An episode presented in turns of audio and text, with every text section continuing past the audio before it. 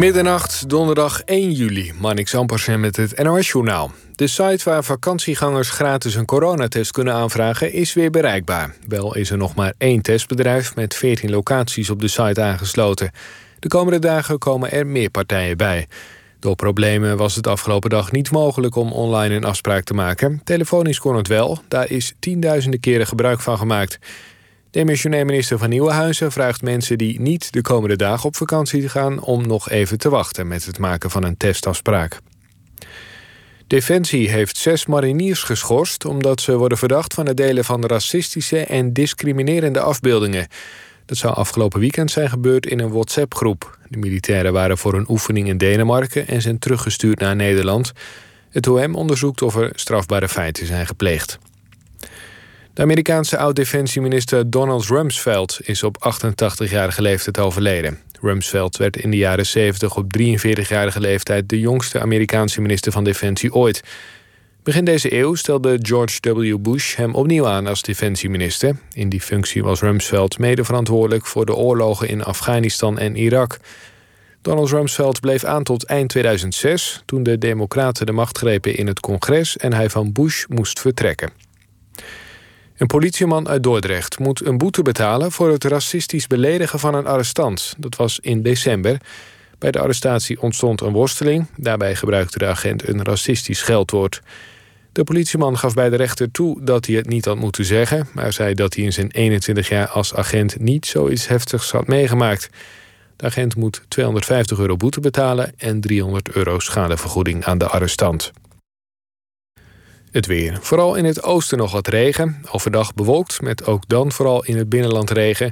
Het wordt 14 tot 18 graden. De dagen daarna wordt het wat warmer. Dit was het NOS Journaal. NPO Radio 1. VPRO. Nooit meer slapen.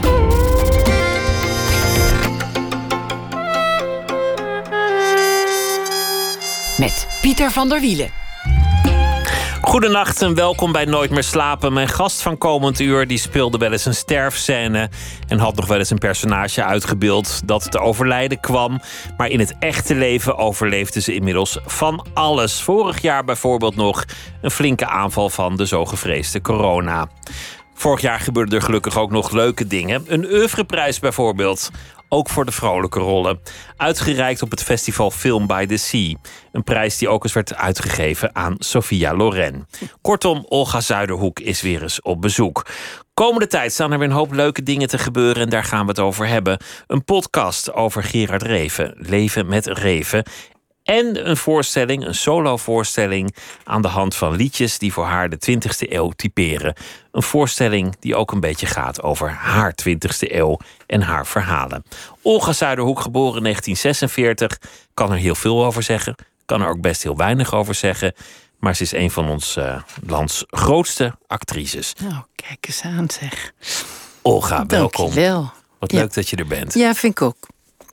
Vertel eens, vertel eens over, die, over die corona. Wat, wat is er allemaal uh, gebeurd? Ja, nou, daar valt niet zoveel over te vertellen. Uh, ik heb ruim, ik dacht twee weken. En toen hebben mijn buurvrouwen, die altijd het voer op de mat zetten voor mijn deur, die corrigeerden me later dat het vier weken waren. Heb ik hoge koorts gehad. Vier weken hoge koorts? Ja. En, en nou, laat ik zeggen, drie weken, maar het duurde zo ontzettend. Als je een normale longontsteking hebt, dan en je gaat op een gegeven moment gaat de koorts naar beneden, dan gaat die gewoon naar beneden bij een ziekte. En bij de corona, en dat was allemaal nieuw, ging het dan weer van 38,6 naar 37,4. En dacht je, het gaat de goede kant op. En dan zat je ineens weer bij 38,2. En, en dus het duurde heel erg lang voordat het eindelijk weer bij de 36 zat. En het is een hardnekkig virus, een beetje als een slechte B-film... waarin de dader al zes keer is doodgeschoten en toch weer terugkeert. Ja, ja, en, en dus ook, ja, je kan het ook een geraffineerde, een geraffineerd virus noemen. Want ik herinner me dat Jaap Goudsmit, de viroloog, in een interview met Gijs Groenteman in die tijd, in die eerste lockdown, zei. Nou, die, die vertelde wat het allemaal kon en dat het nog misschien wel zeven jaar zou kunnen duren. Hoewel hij wel zei: iedereen is gesloten. Ieder laboratorium, behalve die waar ze aan corona werken. Dus iedere briljante wetenschapper wil aan de corona werken. Dus er is nog nooit zoveel per dag aan, aan kennis wordt er nu opgehoest. Maar toen Gijs op een gegeven moment vroeg... ben je verliefd op het virus? Toen was hij even stil en toen zei hij, weet je wel, ja. Hij vond het ook wel weer mooi als viroloog. Omdat het zo'n ja, zo'n geraffineerd stukje leven is, ja. Waar heb je het dan opgelopen? Hoe, is dat gegaan? Weet je dat? Ja, ik heb het uh, van Kees Prins. En Kees Prins heeft het. Die heeft twee mogelijkheden. Ik weet niet precies wie of wat. Maar ik weet nog dat we repeteerden aan een toneelstuk. wat hij dus regisseert. Dat uh, stuk wat ik aan het maken ben. En dat hij. Nou, twee weken voordat ik het kreeg, zei van ik, uh, ik niet, niet dagzoenen, want ik, ik ben een beetje snotterig. Oké, nou, niet zoenen, dat, dat is eigenlijk wel zo prettig. Dat is zo'n gewoonte waar de meeste mensen eigenlijk helemaal niet van hou, houden. Dat... En uh, toen hebben we eigenlijk heel voorzichtig gedaan met uh, alles schoonmaken. En ik weet nog wat dat ik het rook vlees zo naar hem toe gooide met gewassen handen. Zo van je moet het zelf maar openmaken. En toen zei ik: durven we het wel aan om morgen.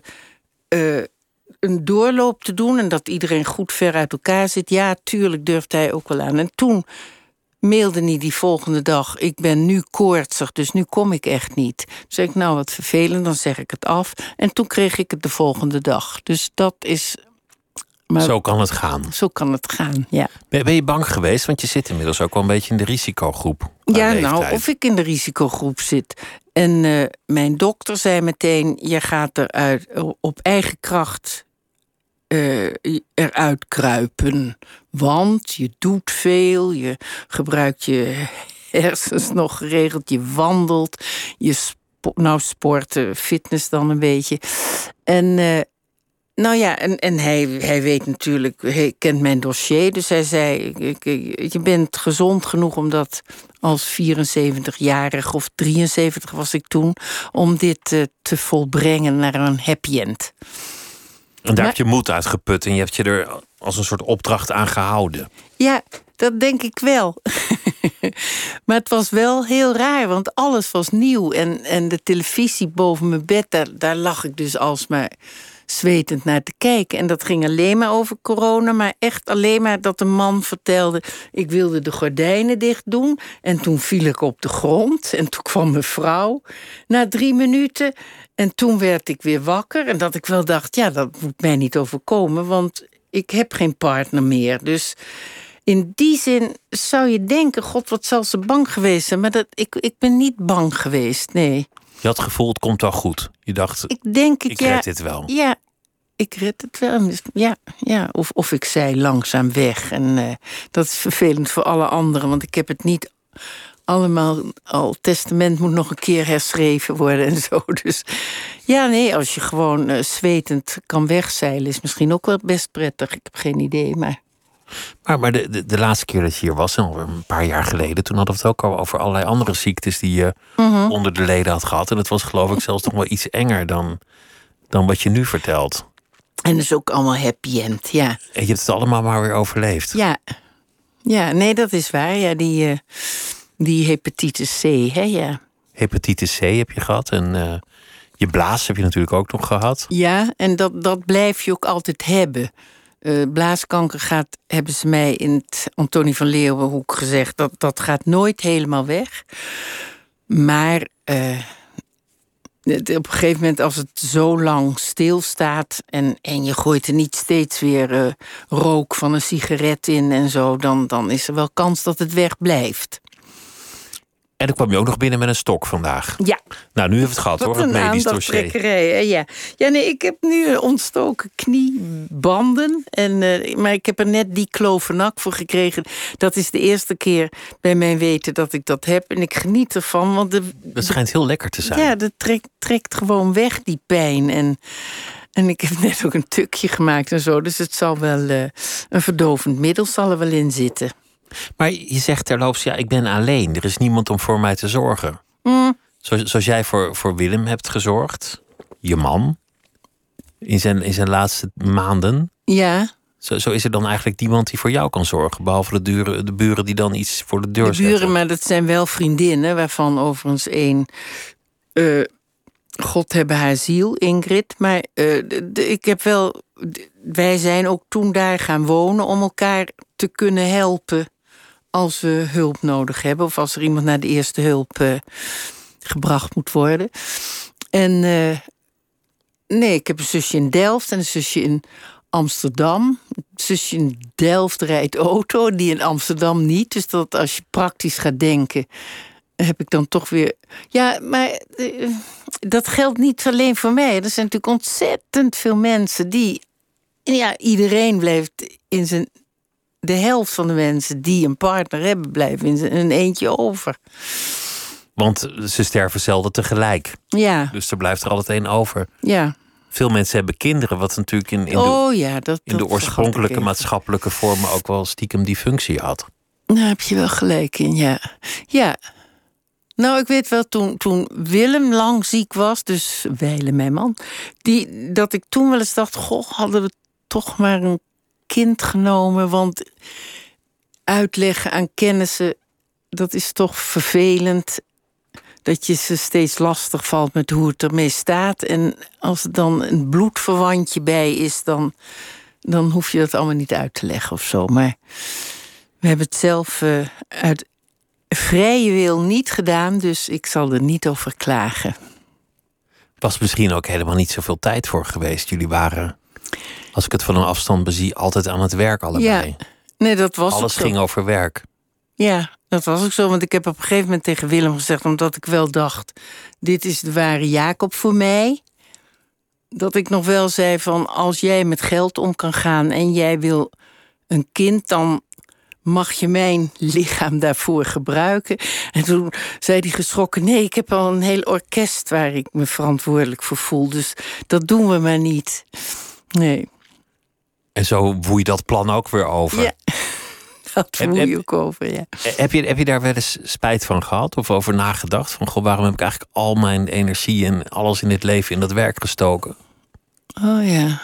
N- nee. Nou ja, en. Nee, ik moet er toch niet aan denken dat ik geen werk gehad zou hebben. Want natuurlijk. Want ik hoor toch nog wel tot de groep vrouwen. En wij zijn daar toch nog steeds mee bezig. Dat we. Dat. eh, dat dat nog niet zelf, vanzelfsprekend is. Dat een vrouw werkte, bedoel je? Ja. ja, langzamerhand in Nederland wel, maar ik weet wel dat ik ook heel vaak, want dan heb je zo van die ambitieuze acteurs en zo, dat ik toch altijd maar dacht van, een meisje heb ik het toch wel getroffen dat het allemaal op me afkomt en zo. Dus dat, Dus het was eigenlijk een zegen dat je kon werken. ja, zo er zoveel ik het werk was. gezien. Ja, ja. Ja, zo heb ik het gezien. En toch ook wel een beetje gewerkt moeten worden. Ja, dat heb ik toch ook wel een beetje. En dat had Willem heel erg van huis uit ook. Een Dus soort arbeidsethos. ja, een beetje. Ja, mijn vader werkt ook. Die heb ik verder niet eh, meegemaakt. Maar dus in de Oost was die dan, of in, in, in Indië, Indië en later Indonesië. Ook altijd aan het werk.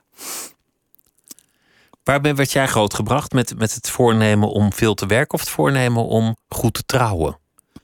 Nou, Wat dat, kreeg je mee? Dat eh, allebei. Namelijk mijn vader, die dan één keer in de vier jaar op verlof kwam. En al lang met een ander getrouwd was, een nieuw nest had. Maar die kwam ons dan toch vertellen. eh, ga na de middelbare school, eh word verpleegster. We waren drie zusjes. Word verpleegster, het liefst in het Prinsengracht ziekenhuis. Want eh, daar mijn, mijn vriendjes, hij was zelf arts. Mijn vriendjes die eh, werken daar en die zoeken dan. Die zochten altijd daar een, een meisje om mee te trouwen. Dus echt het meest eh, conservatieve voorstel kwam dan ineens van iemand die ons helemaal niet opvoedde. En als hij dan weg was, dan zei mijn moeder meteen niet naar luisteren hoor. Jullie gaan lekker doen wat je zelf wil. En eh, Joop den Uyl heeft beurzen, dus we kunnen alles eh, wat we willen, mogen we doen. Maar als je vader was, had gelegen, was je met een, met een doktertje getrouwd. Ja, Met een arts. met een arts. Ja, dat eh, denk ik wel, dat hij dat het prettig zou vinden, ja. Denk Want, dat want hij, hij ging naar de Oost, zoals dat toen heette, om, om mensen te genezen van allerlei ziektes. Nee, van lepra. Bij de World Health Organization zat hij. En voor lepra. En hij heet dus ook een leproloog. Maar grappig, en dat vind ik ook wel heel erg leuk van hem... dat je kan helemaal geen lepra-specialist worden... want dat bestaat helemaal niet in de studie.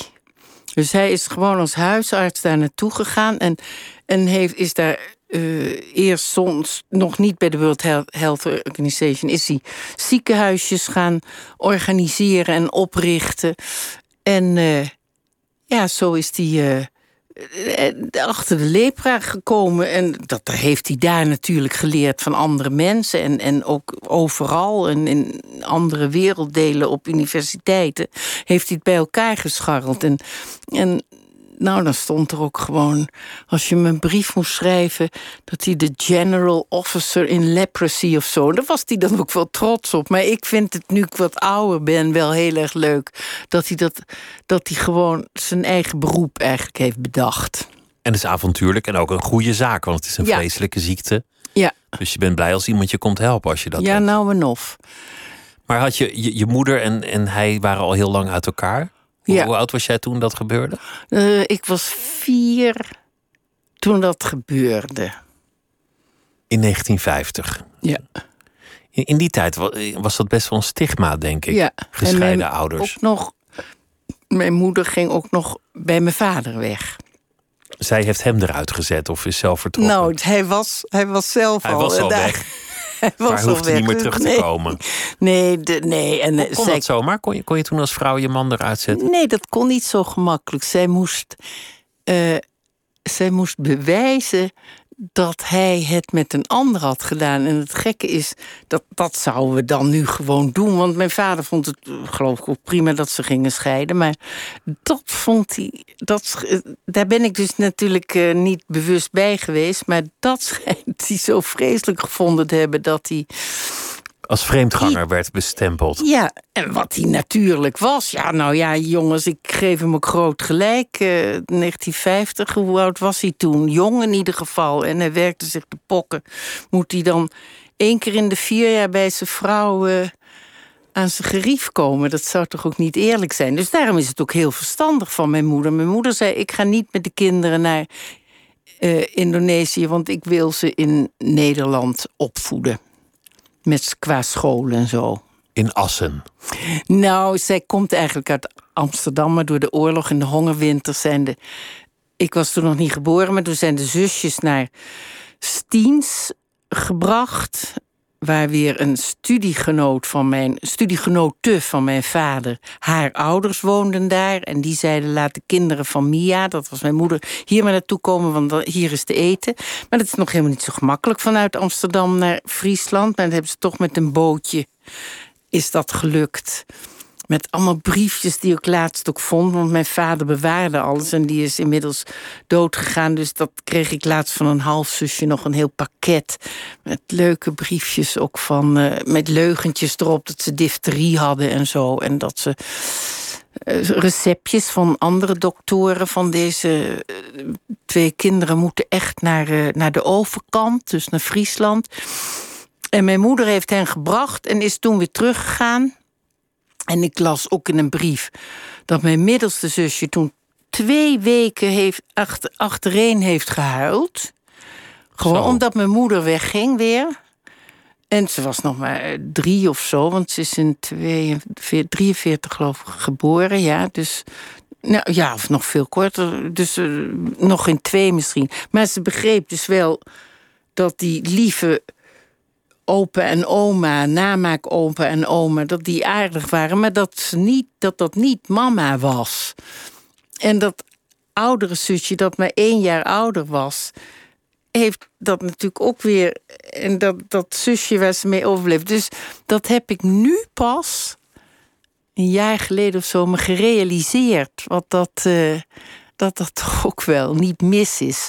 Omdat je de neiging hebt, als je niet een slachtoffer van de oorlog bent, dat je dan vooral het grootste verdriet ervan je niet mag toe-eigenen. Maar dat je dat, dat toch mijn zusjes ook wel het rot gehad hebben. En jij werd net een jaar later geboren, Oh. na, na al die grote gebeurtenissen.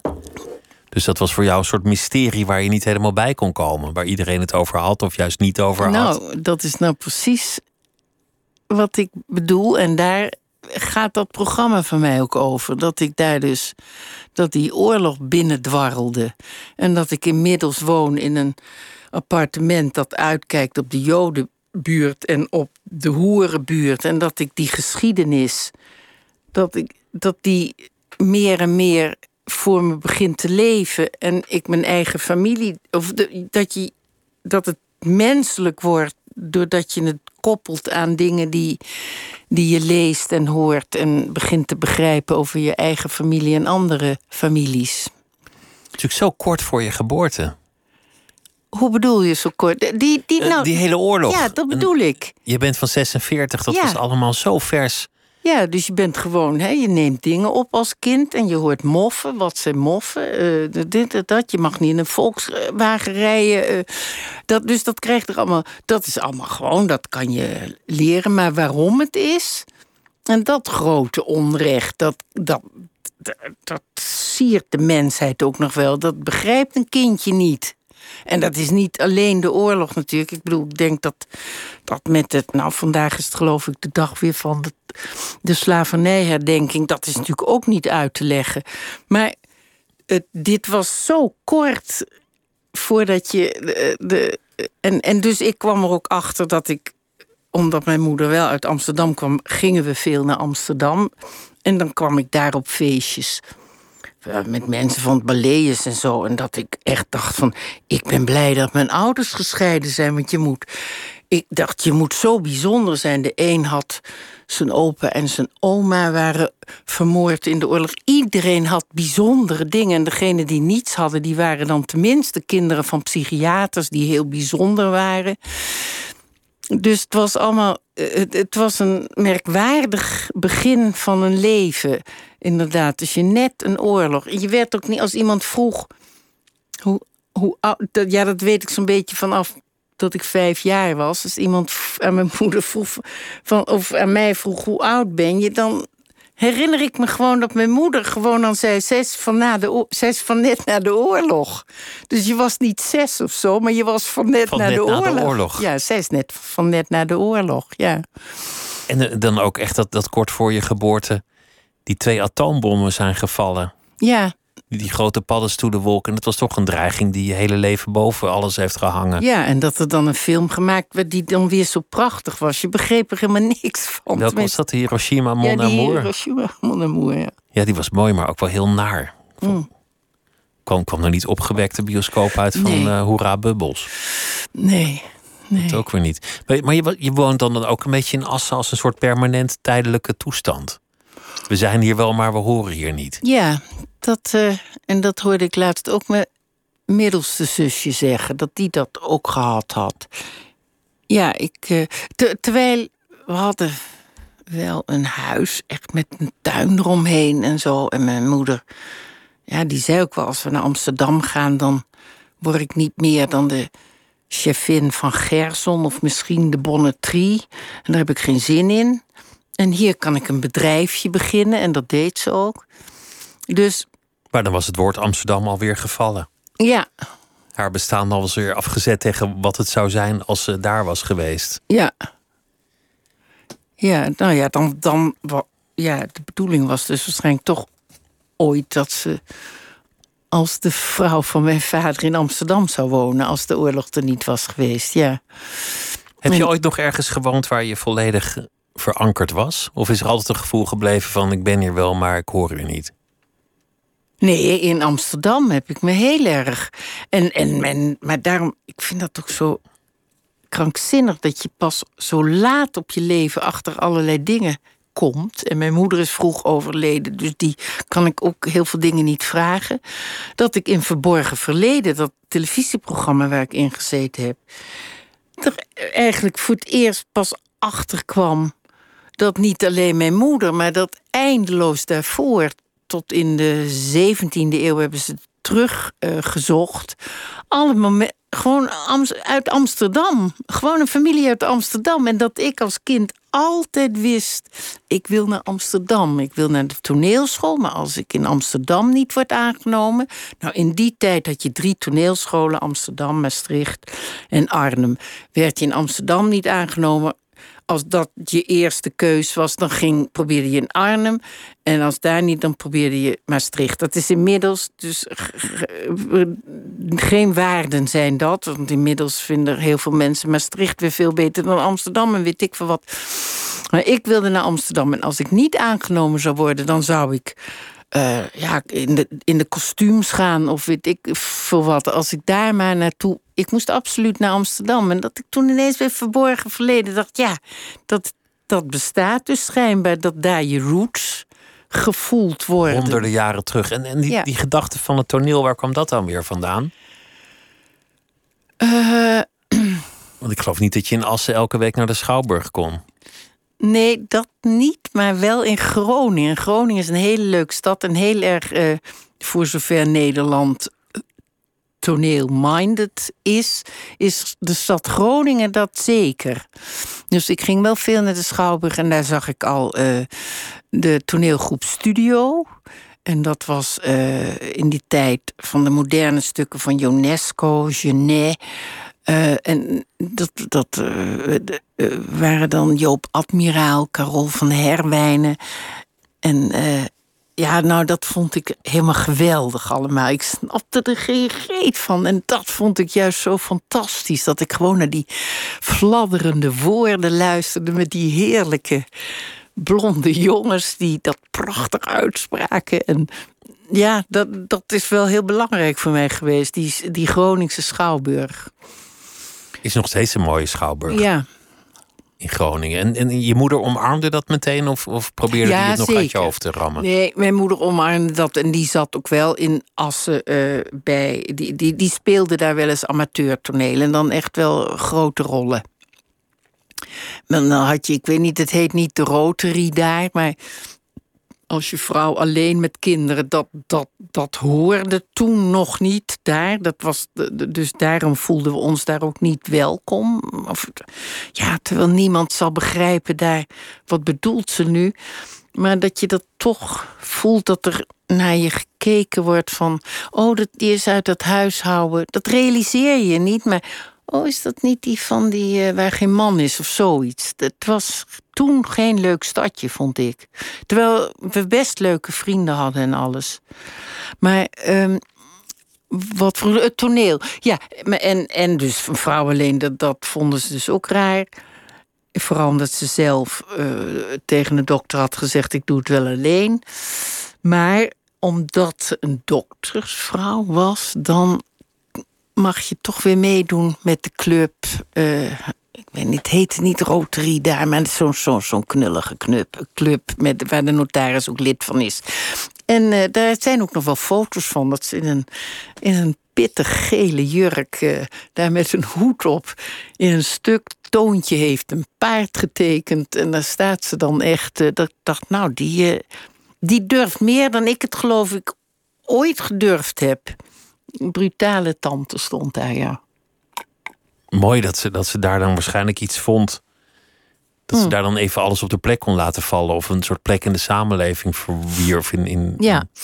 in, die omgeving. Ja, dat denk ik.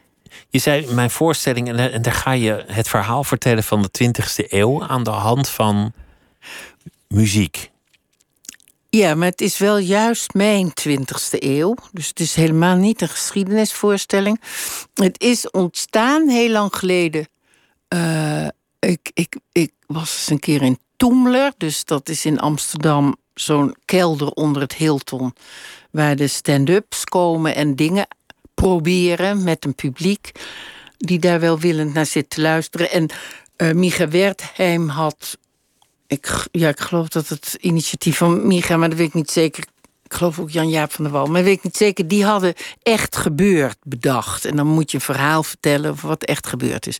En daar had hij mij ook voor uitgenodigd. En daar was ook Diederik van Vleuten. En we zaten, het is daar allemaal heel klein, dus we zaten daar zo bij elkaar eh, in een nisje. En daar weer zat Paulien Cornelis herinner ik me nog, waarvan ik toen nog helemaal niet wist wie dat was. Maar, maar zo'n herinnering. En ineens begon Diederik me te vertellen over een Indische kist die hij thuis opengemaakt had. En die kisten, daar, ja, die kende ik ook wel. En, eh, en die hadden wij ook thuis. En wat hij daar allemaal gevonden had. En, dat hij, en daar ga ik een voorstelling van maken.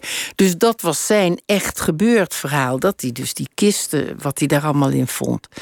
Dus toen zijn daar die voorstellingen van hem in gekomen. En dat vond ik zulke indrukwekkende voorstellingen. Omdat ik toen dus dacht. Hij, ik zie dat hij ineens de geschiedenis begint te begrijpen. En dat, dat dat uit mensen heeft bestaan. En dat mensen de geschiedenis verzorgen en bijhouden. En toen heb ik gedacht, god, dat, dat zou ik eigenlijk ook wel willen. Want ik hoorde af en toe in de, in de platenkast van Willem, dus Weile mijn vriend. Die had zoveel platen dat ik daar ook heel veel liedjes vond. Nederlandse liedjes waar we echt wel trots op mogen zijn van Dirk Witte, Louis Davids, Leo Jacobs. En dat ik dan door die liedjes dacht van godverdomme. Ik begin die twintigste eeuw, waar ik zelf in geboren ben, begin ik via die liedjes te begrijpen. Dus ik begon ineens te begrijpen dat ik nu, waar ik dus nu woon, dat daar in die Jodenbuurt, dat daar dus twintig jaar voordat ik geboren werd, en twintig jaar is toch wel echt heel kort, dat daar gewoon tussen lompen kinderen rondscharrelden. En dat als het ging vriezen, dat je daar dan een, eh, een doodgevroren kindje zou kunnen vinden. En dat er geen televisie was en dat dat geloof ik ook niet eens in de krant kwam. Dat dat gewoon armoe, armoe was in de jaren twintig. En toen was er een lied van een ongehuwde moeder aan, uh, aan koningin Wilhelmina. En dat ik weet niet, dat, dat zou ik nog voor naar de psychiater moeten. Waarom me dat zo verschrikkelijk trof. Maar dat is dan zo'n zo'n jonge meid, die heeft een dienst. En die gaat één keer met een man naar bed. Waar ze helemaal geen geld voor heeft om mee te trouwen. En bovendien mm, zo'n dronken kerel, ze kenden hem nauwelijks. Die wordt dan zwanger. En dan ben je de klos. Want dan gaat je kostgeld en je doopgeld eh. Alles gaat op aan de geboorte van dat kindje. En dan moet je de volgende dag moet je weer om eten te geven aan dat kindje. Moet je weer aan het werk. Maar de dienst is je opgezegd. Omdat ze zeiden, ja, als je zwanger bent, dat, uh, dat kunnen we niet. En dat kon allemaal. Dus dan moet zo'n zo'n ongehuwde moeder... en dat, dat, nu lijkt dat al hysterisch als ik dat zeg... maar dat is natuurlijk toen echt zo geweest. Dan werd je dus hoer. En werd dus ook zo'n kind weer hoe. Dus het is een brief van koningin Wilhelmina waarin ze vraagt als u nou uh, weer lopen kent, want zij heeft dan ook een kindje gekregen, Juliana. Uh, kan u dan niet uw ministers vragen om te zorgen dat kinderen van meiden zoals ik niet als hoer het leven in hoeven te gaan? Het, en niet twee keer, maar de tiende keer dat ik het hoorde, bleef ik al diep geraakt en diep geraakt. En zo zijn er een paar van die liedjes. En toen dacht ik, daar moet ik toch eens iets mee gaan doen. Inmiddels is dat uh, veel meer geworden. Behalve die liedjes, want ik ga ze niet zelf zingen, want dat, uh, daar complimenteer ik die teksten niet mee. Ik ga er eentje, overigens deze dan wel spreek zingen, met Gerard Bouwhuis, die uh, ja, dat is een hele goede pianist. Maar die heb ik toch met de COVID kunnen strikken. Dat gingen al die uh, concerten niet door dat die mee gaat doen. En, nou, en hij beweert ook nog dat hij het hartstikke leuk vindt. Dus dat is een grote eer. Dus maar die, die, die platenkast van, van, van Willem, daar, ik heb wel eens iets op tv gezien dat hij voor zijn platenkast stond. En daar staat werkelijk alles in wat ja, je kan bedenken. Ja, hij had, had niet echt een vaste voor. Ja, veel jazz uiteraard, maar ook, ook smartlappen, ingewikkelde klassieke muziek, allerlei uh, uitheemse muzieksoorten die schaars op plaat zijn. Ja, van of een alles. toespraak van koningin Juliana. Ja, je kon er alles in vinden, ja. Nou, niet, niet helemaal alles. Het ging een beetje tot de, tot de Beatles, zal ik maar zeggen. Maar, maar Willem Pijper staat naast Tante Leen en Kees van Koot en Wim de Bie staan naast Bach en, en, en Brahms. Dus het is hij, hij, alles wat hij kocht, en dat was nogal wat, dat uh, schoof hij gewoon aan en gaf een nummer. En dat is nou een filesysteem van. Uh, het is 8000 platen en ik geloof ook iets van 6000 cd'tjes inmiddels, ja. Dat is een flinke collectie. Ja. Heb, heb jij zoiets eigenlijk eerder gedaan, echt over jezelf vertellen en over je eigen leven op de planken? Nee, behalve dat je bij het werktheater vroeger, de coöperatie, waar we zelf onze stukken maakten, je wel je, je eigen rollen moest verzinnen. Dus uh, iets van heb ik wel meegekregen van wat je en, en met elkaar. Dus als jij die rol en ik heb die rol, hoe krijgen we dat dan in dit verhaal? Dus, en door dat alsmaar te doen en te doen, krijg je natuurlijk wel een. Uh, nou, begin je wel te leren. Iets te leren, ja. Maar goed, het duurt al heel lang hoor, die, dat programma. En Kees Prins regisseert en helpt me. En uh, we zijn nog niet eens klaar. We hebben een liedje van. Uh dit is gezongen door Ischa Meijer. Ja, want dat is het stuk heet. Mag ik dat nu of wil je dat daarna doen? Maar wat er ook gebeurt, er klinkt muziek. En dat komt uit het lied van Wintertenen van Ischa. Zullen we daar naar luisteren? Ja, naar dat, dat lied? leuk. Het is mijn lievelingslied. Wintertenen, luizen en ik. De tyfus en de kanker en de griep. Hiep. Hier een druiper, daar een stempoliep. De mensheid lijdt gematigd of extreem.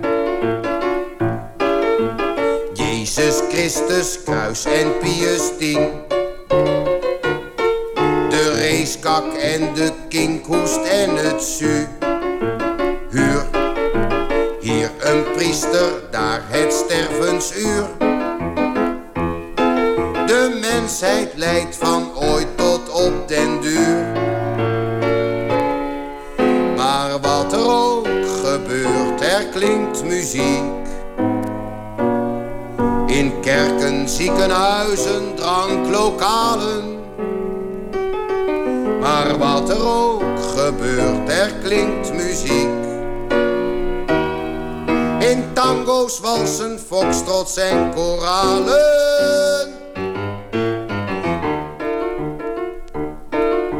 ongedierte in het parlement. Het leger, de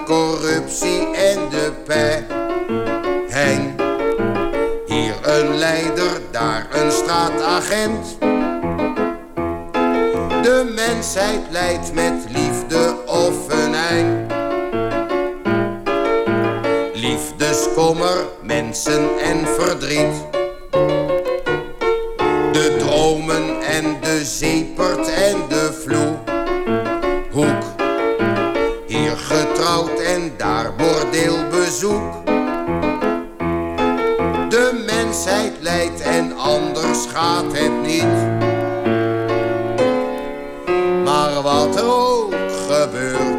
klinkt muziek.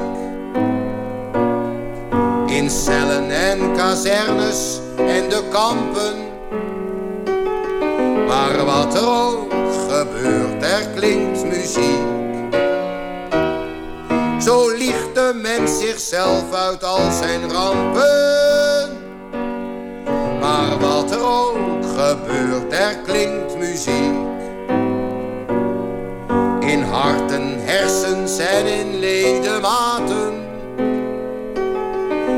Wat er ook gebeurt, er klinkt muziek voor dromers, denkers, weters en frustraten. Ischa Meijer, en dit is het eh, lied waaraan de titel is ontleend van een voorstelling die er nog aankomt van Olga Zuiderhoek, die tegenover mij zit. En Ischa heeft, eh, werd ergens geciteerd dat hij had gezegd dat jij zijn beste vriendin was. Ja, dat, dat, dat, dat staat in IM, in het boek van uh, Connie Palme. Dat hij dat dat hij dat had gezegd. En volgens mij hoorde ik het ook in een van de podcasts die over hem oh, was gemaakt. Maar dat, kan ik me vergissen, maar dat, meen ik me te herinneren. ja, nee, Anton de Goede vroeg dat geloof ik ook aan mij. Ja, ja. Nee, dat heb ik zelf. Uh, ja, nee. Eh, we, we zagen elkaar geregeld en hij kon het heel goed vinden met Willem. En, uh, maar goed, ik kende hem daarvoor al hoor. Maar uh, ja, nou, ik, ik, ik, ik vind het ontzettend leuk om te horen, want uh, ik was gek op hem, ja. Dat ook een pestkop was. Jazeker. Maar ja, hij durfde dingen die ik helemaal nooit zou durven. Dus dan. Nee, maar zeker. Er zijn dingen die, waarin ik hem niet kan verdedigen. Maar er staan wel heel veel dingen ook zijn er. die toch echt uh, wel heel bijzonder zijn aan Ischa, ja.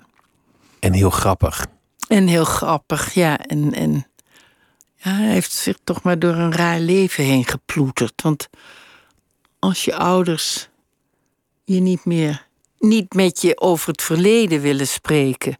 En als je vraagt, ja, maar ja, alles wordt een beetje plat als ik het nu ga herhalen uit een interview wat dan gemaakt is met hem. Vraagt van, hoe, hoe, heb ik ook neefjes of nichtjes? En je krijgt een blaffen, van je blaffende vader te horen van die vragen. Mag je nooit stellen. Dus, dus dat je dan echt als kindje denkt: Oh, ik deug niet, ik deug niet, omdat ik vraag of ik nichtjes en neefjes heb. Dat zijn, lijkt mij wel hele zware dingen om mee te tillen. Hij torste ook veel woede met zich mee. Ja. En veel frustratie, maar hij heeft dat met, met veel humor op een soort Nou. nihilistische manier van zich afgeworpen. Ook Ja. al moest zo nu en dan iemand het ontgelden. Ja, ja, Nou ja, het was dan maar zo. ja, ja. Ja, zo wens ik hem ook graag te onthouden, ja. Ik, ik heb nog, nog een stuk muziek. We gaan meteen nog iets, iets laten horen. Iets, iets heel anders. Willem Breuker, je, je, je noemde het al een stuk van hem. Eh, gespeeld onder andere door Ronald Snijders, die ik altijd graag Ja, wil die- spelen.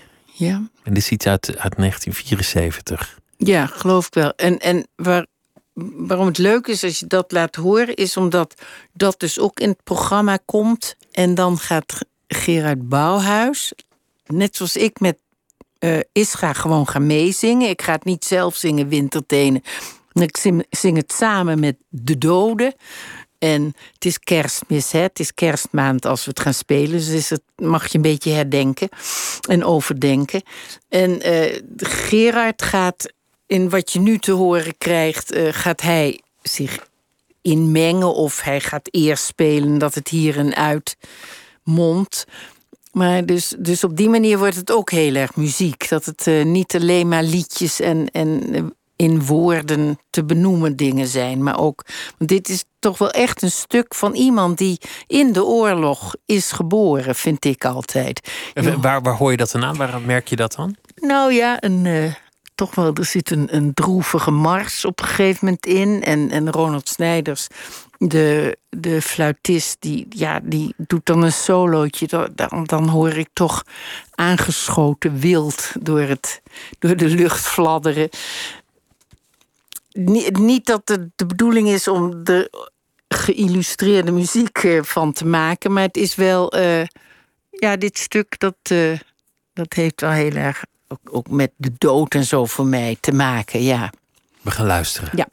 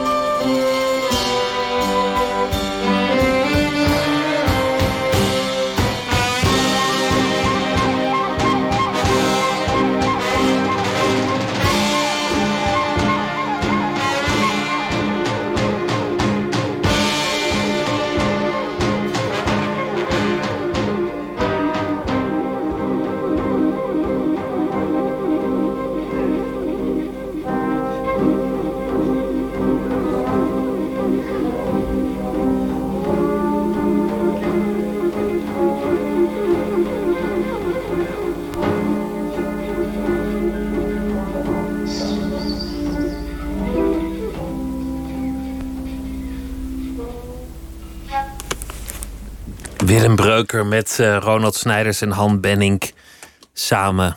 En uh, Olga Zuiderhoek die zal dit stuk ook gebruiken in een, uh, een voorstelling die nog, die nog komt. Er komt ook nog een podcast over, over reven. Daar hebben we het eigenlijk helemaal niet over gehad. Maar dat wijst zichzelf wel. Is, ja, is eigenlijk het moment van, van het omkijken aangebroken in je, in je bestaan? Nou, ik ben helemaal niet een revenkenner. Dat was Willem overigens wel. Maar um, ja. Nee, nou, daar ben ik me niet van bewust. Ik bedoel, leven met Reef, uh, het leven met Reef is is een toneelstuk van Ger Beukenkamp. Dat nu als podcast, omdat het in de COVID uh, dus niet gespeeld ging worden, nu een podcast wordt, waar het volgens mij heel geschikt voor is. Maar Dus dat dat, staat heb er ik los van, natuurlijk maar- niet geïnitieerd. Nee, Nee, maar- dat maar heeft los- Hans Hielkema bedacht. Los van Reven, is, is, is in je leven eigenlijk met, met, met de liedjes, met de spullen, met de verhalen, met, eh, met, met alles om je heen eigenlijk het moment gekomen dat je, dat je meer achterom kijkt dan Ja. vooruit? Ja, ik, ik- het is wel dat ik denk, als, ik, als dat toneelstuk. Als dat toneelstuk nou leuk wordt voor kleine zalen, het heeft ook helemaal geen grote pretentie. En eh, dan heb ik iets gewoon waar ik eh, drie keer per week eh, af en toe mee rond kan reizen. Want ik, ik heb. Maar ja, het is niet echt een antwoord. Maar als je niet meer bij een toneelgezelschap hoort en je kent dat wel vroeger van bij het werktheater, dan is, is om steeds maar weer in vrije producties bij elkaar gestald te worden, is iets. eh, dat, dat zijn zware huwelijken voor mij vaak.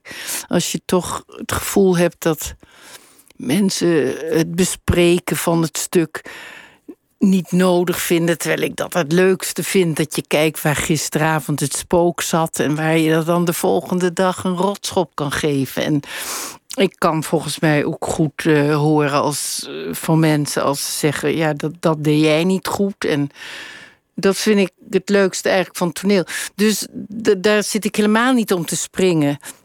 Om nog eh, in een bus te gaan zitten. Of. Eh, Om weer gewoon een klus aan te nemen, een rol.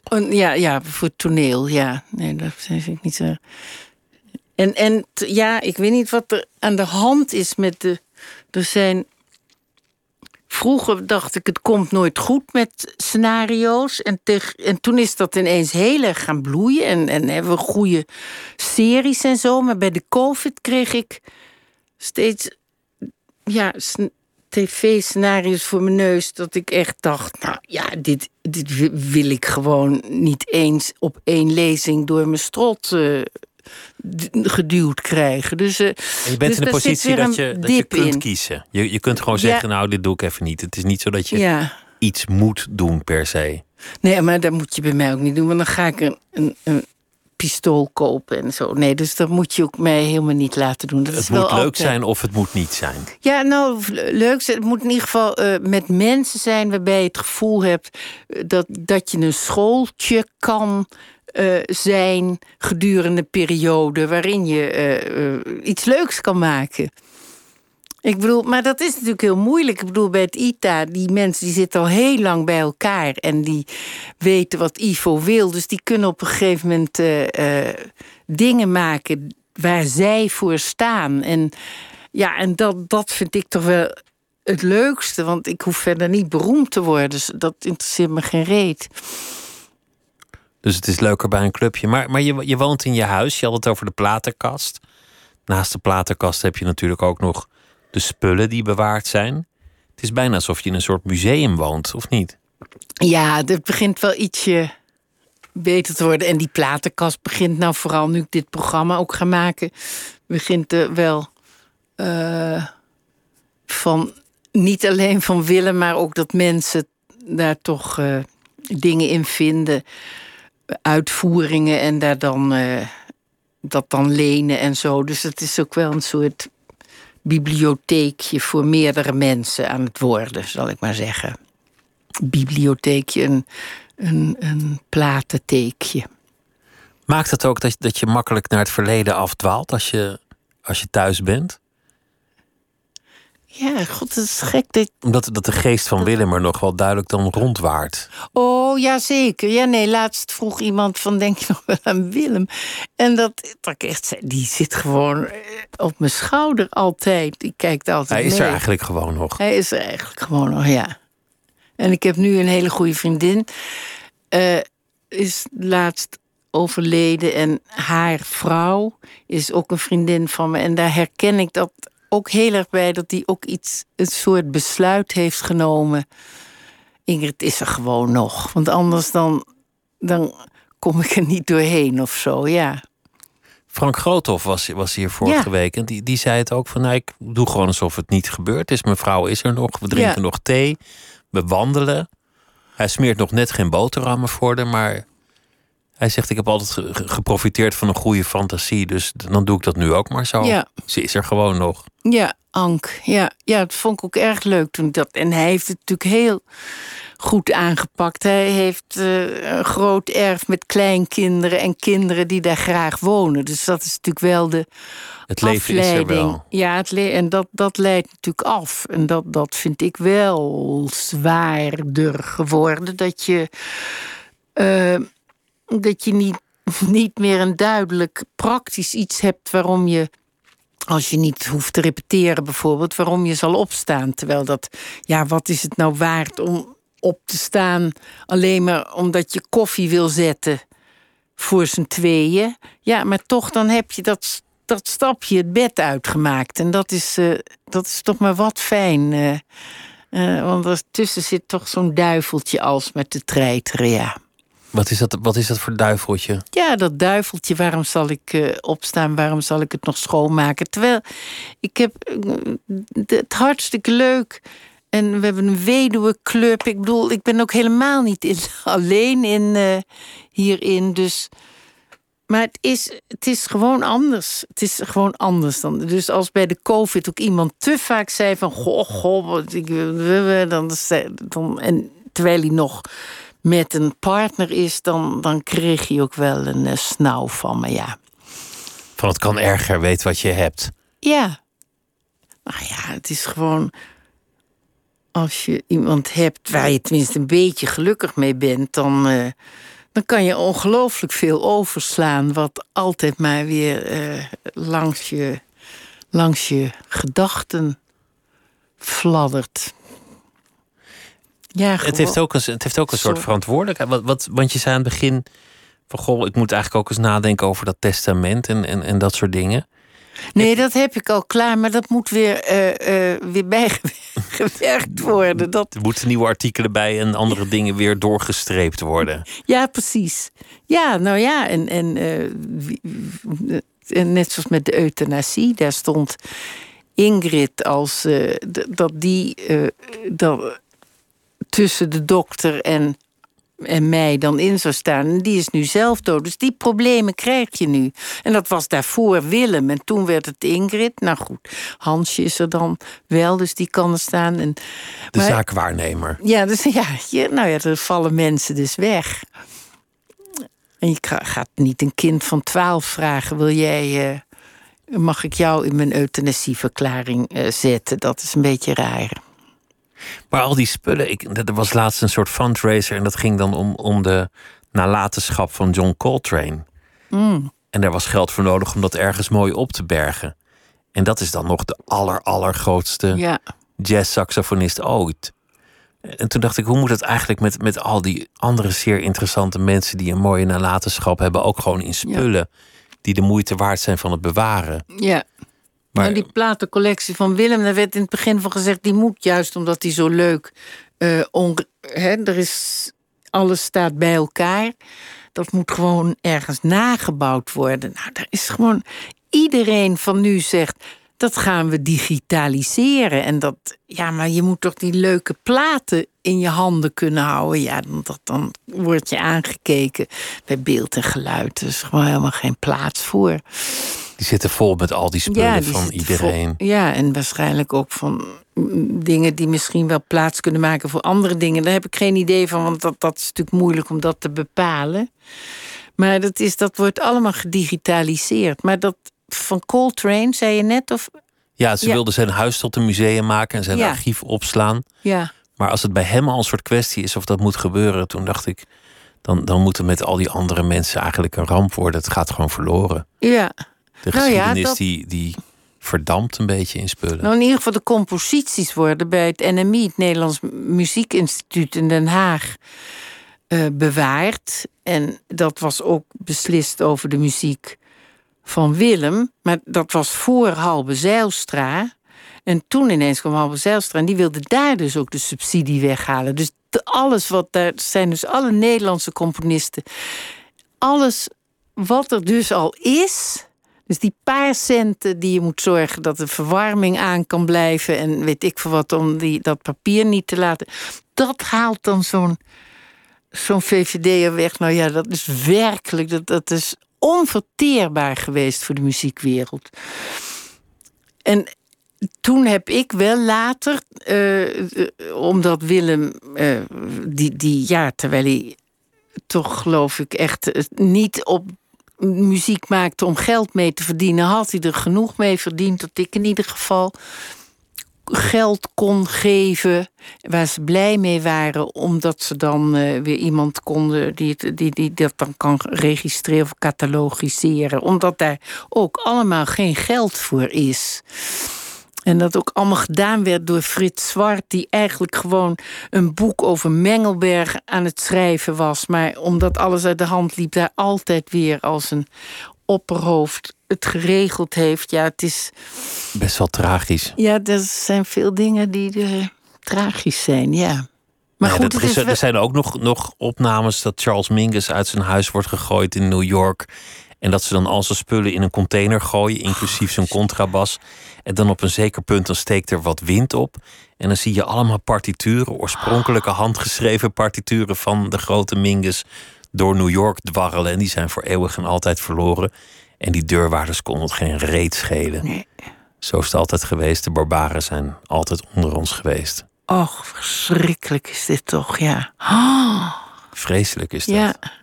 Dus in december dan, dan gaat het eindelijk gebeuren, die voorstelling. ja, in Splendor. En dat de- is een concerthuis in Amsterdam. En Ja. Leven met Reven is eh, reeds opgenomen en dat wordt nu eh, mooi gemaakt. Dat wordt nu mooi gemaakt en dat wordt, eh, ik geloof ook in december, dat, dan, dat wordt dan gelanceerd. Nou, het was leuk dat je weer langskwam. Ik hoop dat je knie Ja, niet pijn heeft gedaan tijdens het gesprek. zeker niet. Wens ik je heel veel eh, plezier met alles dat, eh, dat weer op de rol staat. Ja, Olga. Zuiderbroek, dank je wel. Het was weer een, eh, een genoegen. Dit Nou. was Nooit meer slapen voor deze nacht. Morgen dan zijn we er weer. Zometeen Miss Podcast. Goeienacht. Tot morgen.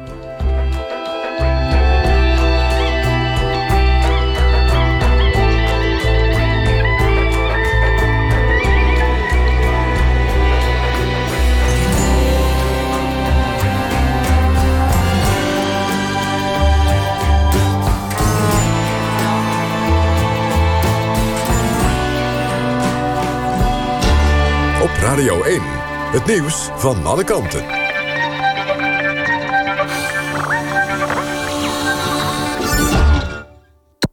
NPO Radio 1.